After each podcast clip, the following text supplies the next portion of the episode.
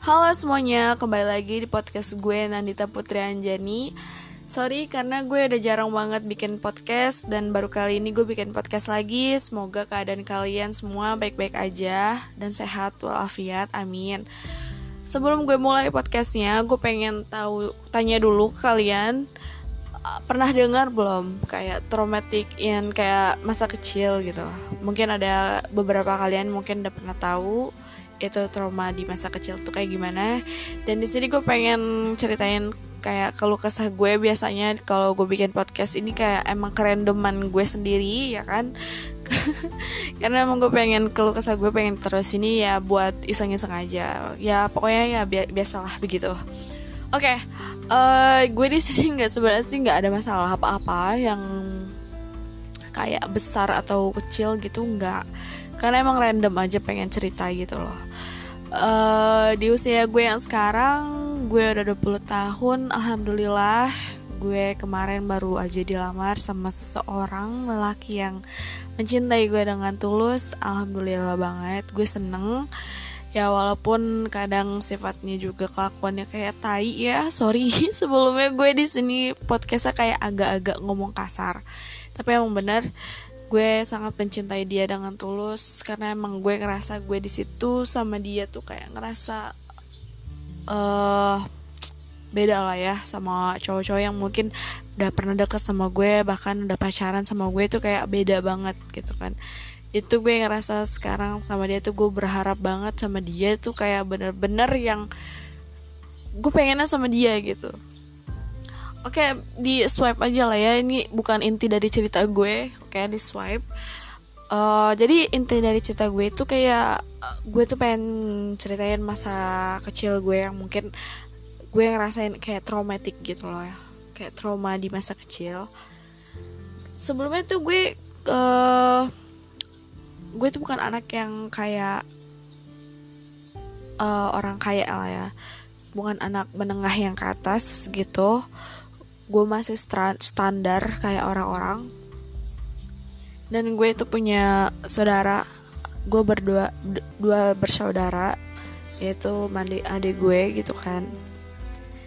Itu gue waktu pas masih kecil masih pas anak tunggal belum jadi lah ya. Sebenarnya itu gue anak tunggal anak tunggal cuma emang gak jadi karena gue punya adik lagi gitu kan itu masa-masa gue tuh gue ngerasa semua kebutuhan yang apa yang gue pengen tuh selalu diturutin. Apa pun yang gue pengen apa pun yang gue minta itu selalu diturutin gitu kan. Walaupun dengan begitu ada sisi kurangnya juga buat gue yaitu kayak kurang perhatiannya dan kasih sayangnya orang tua gue ke gue ya you know lah ya. Mungkin emang karena mereka dulu tuh waktu gue kecil tuh fokus buat kerja kerja kerja kerja nyari uang nyari uang nyari uang gitu. Emang untuk kayak kebutuhan gue kayak apa yang gue mau tuh selalu terpenuhi. Ibaratnya kayak gue pengen ini pengen mainan yang lagi viral pengen mainan yang baru keluar apa keluaran baru terus mainan yang mahal atau segala macam tuh kayak mereka tuh nyanggupin gitu semuanya mereka nyanggupin gue selalu dibeliin gitu loh. Kayak orang-orang yang di sini anak-anak kecilan di sini dulu pada masa gue itu uh, mereka tuh belum punya gitu loh. Mereka belum punya bahkan kayak orang tua mereka tuh kayak nggak nggak nggak dibeliin gitu kan nggak bakal ngebeliin gitu loh. tapi gue tuh selalu dibeliin gitu bedanya begitu. Cuma kan kalau mereka kan mungkin dari kasih sayangnya orang tuanya dia tuh selalu ada yang kayak ibarat dari masa kecil itu kan indahnya gimana sih ya? Pengen namanya sederhana aja kayak makan di taman terus disuapin atau jalan-jalan gitu. Tapi tuh gue nggak ngerasain itu nggak ada. Gue nggak ngerasain gue nggak ngerasain itu gitu loh. Masa kecil gue tuh gue nggak ngerasain itu. Dan di saat umur gue udah 20 tahun ini gue kan udah lulus sekolah udah bekerja gitu kan ya uh, dari gue SD, SMP dan SMK pun itu gue ngerasa gue dapat kekerasan dari orang tua gue sendiri. Yang namanya gue digebukin gitu kan sama orang tua gue sendiri gue nggak tahu gue salah apa mungkin emang masa kecil gue itu yang agak nakal ya gimana sih masih anak-anak gitu kan? Kita nggak tahu ya masih anak-anak yang nakal yang baik yang apa gimana kan kita belum tahu. Jadi tuh gue sering banget yang namanya digebukin bukan cuma bapak gue doang yang gebukin gue tapi oh, oh, ibu gue juga sering gebukin gue itu dia mereka sering gebukin gue kadang suka pakai tangan kosong kadang suka pakai benda-benda yang dilihat di depannya mereka tuh ada udah dilemparin aja gitu ke gue karena emang saking marahnya mungkin karena gue bandel atau emang susah dibilangin gitu. Menurut gue itu nggak adil buat gue ya karena emang masa kecil itu tuh sebenarnya tuh kayak kita tuh harusnya tuh lebih di bilangin dibanding kayak kita harus diberi kekasaran itu loh kekerasan itu apalagi mereka juga kan nggak pernah yang namanya uh, beri perhatian ke gue itu jarang ada waktu buat gue tuh nggak ada jarang banget. Karena emang mereka sibuk pada kerja semua. Jadi gue cuma kayak disiapin disodorin mainan aja mainan mainan mainan mainan doang. Gue nggak tahu ya namanya gue diajarin kayak parenting parents tuh gue nggak nggak ngerasain itu. Yang kayak gue nggak boleh gini ya nggak boleh gitu ya nggak bahkan kayak gue les pun gue sekolah pun itu gue tuh sama orang lain.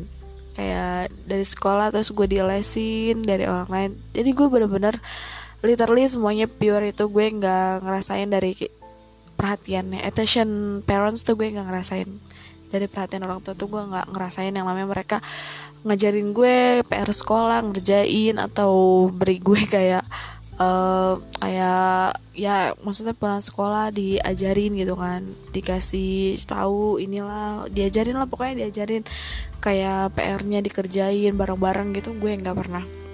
Selalu sama orang orang lain. Prinsip orang tua gue kayak gini ya. Dia lebih baik bayar orang lain untuk ngajarin gue dibanding dia harus ngeluarin tenaga buat gue gitu. Itu yang gue alamin waktu waktu kecil itu gue ngalamin itu dari semua itu tuh gue ngerasa cuma banyak banget ya yang trauma yang pengen gue sampein di sini. Cuma banyak juga mungkin kalau dibilang aib ya dibilang aib. Cuma ya gimana ya? Gue pengen emang tujuannya gue cuma pengen itu doang. Itu kan. Gue pengen keluh kesah di sini jadi waktu SD gue sering banget dibully ya. You know bully? Ya bully. Gue sering dimusuhin sama temen gue terus gue juga sering kayak dipelecehin. Terus gue sering banget yang namanya ya pokoknya dikata-katain dibully lah segala macem gue nggak ada temen gitu kan gue balik ke rumah tuh gue kayak ngerasa keadaan tuh baik-baik aja gitu. Gak ada yang pernah nanya gimana sekolahnya? Terus gimana pelajarannya hari ini? Gurunya baik-baik? Nggak ada yang nanya gue kayak gitu tuh nggak ada. Nggak ada yang pengen tahu keadaan gue waktu itu. Kayak hari-hari gue tuh nggak ada yang pengen tahu dan gue dari dari kecil itu gue udah sering banget yang namanya memendam perasaan itu sendiri itu gue udah sering banget. Gue lebih baik diem dibanding gue cerita gitu. Karena emang mereka juga pernah bertanya sama gue gitu kan. Jadi gue dari kecil tuh udah sering banget yang namanya diem aja gitu memendam perasaan gue sendiri. Bahkan sampai dewasa pun gue udah mungkin udah dari kebiasaan dari kecil kali ya. Apa pun yang ras gue rasa sakit hatinya gue atau rasa kayak rapuhnya gue rasa susahnya gue tuh gue selalu pendam sendiri. Mungkin emang dari kecil gue ngerasain itu dan mungkin dari ke kebiasaan gue dari kecil. Nah nyampe sekarang gue kayak ngerasanya semuanya apa pun gue selalu pendam sendiri kayak gitu. Itu gue SD loh masih kecil ya masih kecil. Seharusnya kayak ditanya diituin tapi gue gak ngerasain itu. Gue pendem gue pendem sampai pada akhirnya gue pernah ya namanya dilecehin sama cowok-cowok gue lagi tidur tuh. Posisinya gue lagi head kayaknya lagi PMS kelas 5 SD atau kelas 6 gue lupa. Itu gue ngerasain yang namanya gue dilecehin sama cowok. Yang sorry banget payudara gue dipegang-pegang sama Miss vagina gue dipegang. Itu gue ngerasa banget karena emang ada sentuhan-sentuhan tangan yang kayak nyentuh tubuh gue itu gue nangis gue nangis. Cuma gue nggak pernah ngadu sama orang tua gue. Gue di rumah gue diem. Jadi kayak di rumah tuh gue juga seakan-akan tuh kayak baik-baik aja. Sampai sekarang mungkin orang tua gue nggak pernah tahu masalah ini gitu. Gue cuma berani speak up di podcast gue ini doang. Karena emang bener-bener rasa pendem perasaan gue itu selalu gue pendem itu rasa sakitnya gue selalu gue pendem itu mereka nggak pernah tanya nggak pernah nanya. Jadi gue juga nggak pernah yang namanya mau cerita gitu loh. Itu gue ngerasa ya itu gue ngerasa sentuhan yang tangan-tangan tadi itu yang cowok-cowok tadi. Gue nangis gue nangis. Terus gue ngadu lah sama guru yang di situ kepala kepala kepala sekolah ya. Yang kepala sekolah. Gue dipanggil ke ruangan kepala sekolah. Itu gue masih kecil loh masih SD gue udah ngerasain ngalamin kayak berat banget menurut gue ya. Dulu mungkin kalau misalkan gue udah sedewasa ini mungkin gue bisa balas gitu loh. Bisa gue tonjok lah atau bisa gue tendang lah atau biasa apa gitu. Tapi itu gue nggak ada tenaga sama sekali karena emang gue perempuan dan itu posisinya gue masih kecil. Gue masih kecil masih SD gue belum ngerti yang namanya ngebela diri ngelindungin diri tuh gue belum ngerti. Jadi emang bener-bener pure gue polos polos. Gue nangis terus gue dipanggil ke ruangan kepala sekolah. Terus didatengin orang tua tua apa orang tua muridnya yang cowok-cowok tadi itu. Mereka bilang gue cuma bohong gue pembohong. Gue cuma ngelebih ngelebihin cerita. Mereka ngerasa enggak enggak ngelakuin tapi gue sumpah demi Allah itu rasa sakit hatinya gue sampai sekarang itu gue masih ngerasain. Gue ngerasain sentuhan tangan-tangan itu. Gue nggak tahu ada berapa cowok yang udah megang-megang gue. Tapi gue udah tahu itu itu benar-benar sakit dan gue disalahin sama orang tua murid-muridnya itu yang cowok-cowok itu. Gue disalahin katanya. Gue nyala-nyalain anak orang katanya. Gue ngejelek-jelekin nama baik anak orang katanya gitu. Nakal apa segala macem padahal mah gue pembohong katanya cuma ngelebih-lebihin. Tapi gue bersyukur banget mungkin Allah masih ngasih kayak beri beri gue kebaikan gitu ya. Nem, dikasih lah gue eh, sama guru yang baik dan ngebela gue katanya kata gurunya gue gue inget banget sama gurunya namanya Pak Iwan gue inget banget tuh jasanya dia itu bener-bener berharga banget buat gue. Karena emang dia ngebela gue di situ. Di di sebanyak orang yang di ruangan itu cuma dia yang ngebela gue. Katanya nggak mungkin dong uh, Dita itu bohong gini gini gini. Ya pokoknya kayak ngebela gue lah gimana sih ceritanya lah pokoknya gitu. Tapi tetap banyak yang keke banyak yang kayak nggak boleh nggak bisa gitu. Kan nggak ada buktinya gini gini gini kata gitu. Emang kamu juga ngerasain siapa siapanya kan kamu nggak ngeliat gini gini. Itu posisinya gue lagi kayak tidur kelentang gitu loh di bangku bangku SD kayu ya. Kelentang terus kayak gue nutupin mata gue itu pakai kayak kerudungan. Kerudungan apa? Kayak handuk gitulah pokoknya gue lupa karena posisinya tuh emang lagi olahraga dan gue lagi menstruasi. Menstruasi itu kan sakit ya. Sakit banget apalagi gue tuh pertama masih kecil gue kelas 5 gue udah menstruasi itu. Dan itu pertama kali tuh gue sakit banget. Nggak pertama kali juga pokoknya setiap menstruasi tuh gue sakit ya. Mungkin emang karena baru-baru juga dan gue kayak ikut olahraga di situ. Terus gue di, di kelas aja gitu kan gue tiduran. Emang karena Pak Iwan juga ngerti gue kan ngertiin gue dan gue tiduran di kelas. Ya udah gue nggak tahu itu siapa siapa yang tapi gue tahu banget. Gue ngelihat sekilas ada beberapa orang yang gue kenal gitu kan dari salah satu mereka tuh emang bener ngelakuin itu tapi mereka kayak nentang gitu loh. Kayak bilang enggak enggak enggak gitu. Ya udah di situ ya gue mau buat mau buat apa gitu loh. Gue mau berbuat apa karena emang gue nggak bisa ngelawan dari banyak orang ini dari ibu-ibunya yang sama anak-anaknya yang nentang katanya bilang enggak enggak gue di situ cuma diem gue nangis. Tapi gue nggak berani cerita ke rumah. Bahkan sampai sekarang ini orang tua gue nggak tahu kalau gue pernah ngalamin itu. Ya beneran. Terus agak sesek ya. Oke. Okay. tarik nafas dulu. Tarik nafas. Dan banyak banyak hal lagi yang mungkin gue ngalamin di masa kecil itu yang agak keras. Gue sering banget digebukin pakai piring digebukin pakai kayu pakai besi pakai obeng pakai kabel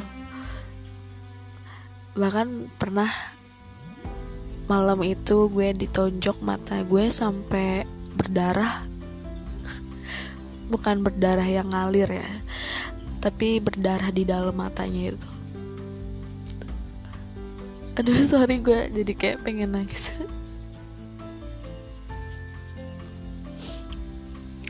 Karena di situ gue emang nakal sih. Gue ngerasa gue nakal di situ gue sebenarnya nggak boleh ya namanya gue pacaran tuh gak boleh. Tapi gue tetap nentang gue pengen pacaran gitu. Karena emang uh, dari rumah itu tuh gue nggak ngerasa dapat kebahagiaan yang gue dapat gitu loh. Di rumah tuh nggak ada. Jadi makanya gue nyari kebahagiaan di luar.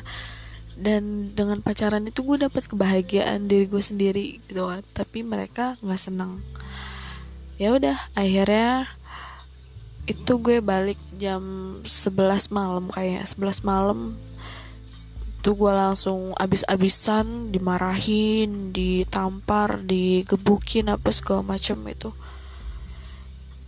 Itu bukan bapak gue doang yang gebukin tapi orang tua gue dari ibu gue dari oleh gue semuanya pada ikutan semua gebukin gue. Nggak ada yang ngebela. Nggak ada yang ngebela itu gue inget banget di benak gue sampai sekarang. 20 tahun ini gue masih ingat banget ya kejadian itu. Kayak mungkin emang udah bener-bener sakit ya mungkin ya. Sakit di masa kecil gitu kan. Itu yang nggak mungkin dari sampai gue tua nanti bakal keinget kali. Gue nyampe bertekad sama diri gue sendiri. Nanti gue nikah terus gue punya anak gue nggak mau anak gue ngerasain apa yang ngerasain di masa lalu. Gue pengen kayak gitu. Gue sebisa mungkin gue pengen jadi ibu yang baik ibu yang pengen tahu anak keadaan anaknya. Ibu yang selalu bertanya keadaan anaknya. Gimana harinya? Gimana? Gimana? Gue nggak mau anak gue ngerasain kayak gue yang selalu apa apa dari kecil udah memendem rasa sakitnya sendiri tuh gue nggak mau. Terus waktu uh, makan ya. Makan itu gue makan sama adik gue misal ya sama adik gue waktu itu. Cuma gue beli sendiri. Gue beli sendiri sampai gue digebuk sampai gue dijambak diseret ya waktu itu ya. Pernah juga gue dimalu-maluin depan umum gue pernah. Itu gue malu banget. Gue malu banget. Tapi kayak rasa malu gue tuh udah nggak ada karena emang udah sering. Uh, pernah juga waktu uh, masalah yang sampai semuanya itu kena gue gitu. Waktu masalah adik gue lagi pup ya lagi pup. Terus gue bercandain dia. Itu gue digebuk pakai kabel sampai pala gue itu langsung kayak hitam gitu loh. Pernah juga pakai bangku yang buat jongkokan itu. Itu karena apa ya? Gue lupa masalahnya tapi gue pernah ke kepala gue ke kepala ke kepala ya gue nggak tahu gue nggak pernah cek gimana kondisi badan gue gimana kondisi tubuh gue gimana gimana. Gue nggak pernah cek ke dokter apa yang ada salah saraf atau atau kayak ada kerusakan apa nggak pernah. Karena emang mereka juga nggak pernah mau ngecek. Nggak pernah pengen tahu. Itu di kepala gue loh itu di kepala gue uh, bangku. Kalian tahu bangku yang kayu? Bangku buat jongkok gitu. Uh, itu langsung kepala gue dan gue langsung kayak seketika itu langsung kayak hitam. Langsung hitam. Teng tapi beberapa menit doang. Tapi gue langsung sadar lagi gue itu gue udah nggak tahu yang namanya rasa sakit yang gue alami itu kayak gimana sakitnya tuh gue udah nggak gue udah mati rasa. Tubuh gue udah mati rasa karena emang gue udah terlalu banyak yang namanya ngalamin kekerasan itu gue udah terlalu banyak. Bahkan yang waktu itu nyampe kabel tebel tuh ya. Kabel kan tebel ya tebel banget itu. Disabet ke tubuh gue sampai ada bekasnya panjang. Merah biru sampai biru waktu itu itu gue nggak tahu udah nggak tahu rasa sakitnya gimana tapi gue cuma kayak nangis nangis tapi gue diem. Gue berani nangis di kamar. Nggak pernah yang namanya gue nangis di depan mereka tuh gue nggak pernah. Karena gue ngerasa gue pengen kuat. Gue malu kalau nangis depan mereka kayak ngapain? Ngapain nangis? Gitu kan makanya gue kalau nangis tuh selalu di kamar. Rasa sakit hatinya gue tuh selalu di kamar. Bahkan sampai selama bertahun-tahun gue ngalamin kekerasan itu nggak pernah hilang dalam hidup gue tuh nyampe gue udah pengen dari lulus gue kerja terus gue bangun nikah pun kayak sekarang masih ada. Walaupun sekarang kayak lebih nggak ke fisik ya nggak lebih ke gebukin tapi lebih ke mental gue. Bedanya kalau dulu kayak badan selalu badan gue yang jadi korbannya tapi sekarang udah nggak.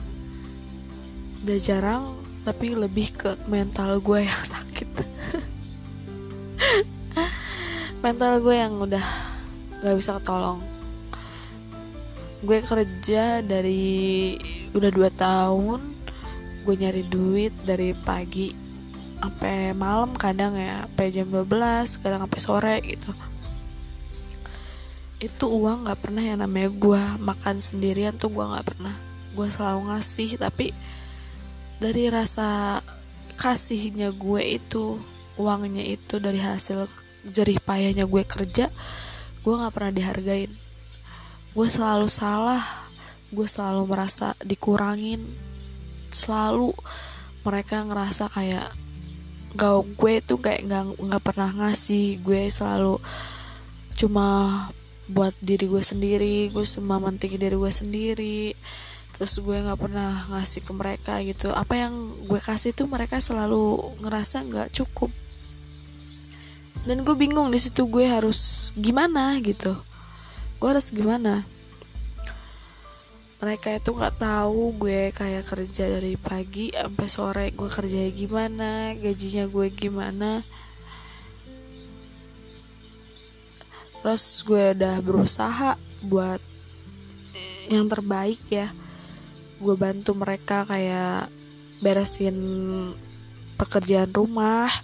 Terus gue bantu-bantu ya buat kalau ada apa-apa gue ngeluarin duit lah apalah gitu lah gue usahain tapi mereka nggak pernah ngeliat usahanya gue gitu. Kayak gue selalu kurang mulu gitu di mata mereka tuh gue selalu kurang mulu.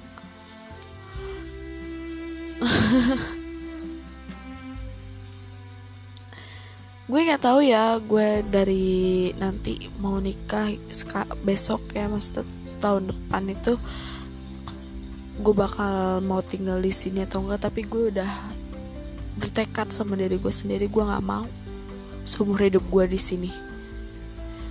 Gue pengen ngebuka lembaran baru gue pengen ngejalan kehidupan gue yang baru tanpa orang-orang yang mungkin udah pernah nyakitin gue di masa lalu di masa kecil. Gue nggak mau hidup sama orang-orang kayak gitu. Gue udah bertekad sama diri gue sendiri tapi gue ngomong sama uh, calon gue calon suami gue itu gue nggak mau nggak mau tinggal di sini karena alasan lain. Tapi alasan gue sendiri ya itu. Gue nggak mau hidup sama orang yang udah pernah nyakitin hati gue. Udah pernah nyakitin mental gue. Udah pernah nyakitin tubuh gue. Tuh gue nggak mau. Gue pengen ngebuka lembaran baru gue nggak mau ngerasain itu lagi sampai seumur hidup gue gue nggak mau. Mau sampai kapan mau nyampe gue tua gue ngerasain kayak gitu? Enggak kan? Enggak pastinya gue pengen berubah pengen lebih baik lagi tentunya. Tapi ya mudah-mudahan aja gue tanpa mereka tuh gue masih bisa lebih baik. Masih bisa apa yang gue pengen itu bisa terpenuhi dengan diri gue sendiri dan yang tadi gue bilang gue berprinsip kalau gue udah nikah terus gue punya anak nanti gue nggak mau anak gue ngerasain kayak gitu. Alam ngalamin trauma yang mungkin apa yang gue alamin di waktu kecil. Ya pokoknya begitulah ya. Intinya gue udah udah nggak ada usaha lagi udah nggak ada tenaga lagi gue buat cerita karena emang uh, udah begitu sakit ya begitu banyak banget yang gue alamin rasa sakitnya. Entah gue yang salah atau mereka yang salah gue kurang paham karena emang gue cuma bisa diem doang. Dari dulu gue cuma bisa diem. Gue nggak pernah yang namanya kayak ngobrol apa segala macem ngomong enggak karena gue udah udah males. Gue udah gak ada tenaga. Gue udah terlanjur kayak dari dulu dari kecil lu nggak pernah nanya gue gitu. Buat apa lu sekarang nanya? Gitu kan? Kayak gitu intinya. Ya kayak gitu doang sih. Sebenarnya cuma kayak kalau kesah gue doang di masa kecil yang mungkin begitu kelam ya gue jarang dapat perhatian orang tua gue jadi ya dari sekarang sampai sekarang gue kayak hidup sendiri aja. Kayak gitu. Bahkan kayak gue mau lanjut nih. Kayak gue sekarang yang kayak kerja terus itu kan gue makan gak pernah minta sama dia ya. Pakai uang gue sendiri. Gue di rumah makan itu beli harus ngeluarin uang. Gak pernah ya namanya mereka itu peduli. Udah makan belum? Ini kerja tadi. Udah makan belum di kerjaannya? Atau udah ini belum? Udah sarapan belum? Nggak ada. Apa pun gue kalau misal gue mau makan gue mau minum mau apa itu gue harus ngeluarin duit. Di sini gue harus ngeluarin duit. Gue harus bayar makanan itu nggak pernah mereka ngasih percuma itu nggak pernah. Semenjak gue kerja itu apa pun semuanya yang dikasih ke gue itu selalu dia meminta upahnya. Selalu minta uangnya. Kayak gue di sini tuh kayak gue bertransaksi sama keluarga gitu loh. Gue beli gitu ya. Bukan dikasih secara telu tulus gitu ya. Secara tulus tuh enggak dari makannya aja tuh gue udah dihitung-hitung. Dihitung-hitung segini segini segini gue udah udah nggak tahu deh mau ngomong apa. Karena emang udah bener-bener nggak tahu gitu ya. Udah udah, udah di titik toksik menurut gue dan gue udah nggak sabar gitu loh buat tinggalin tempat ini tuh gue udah nggak sabar.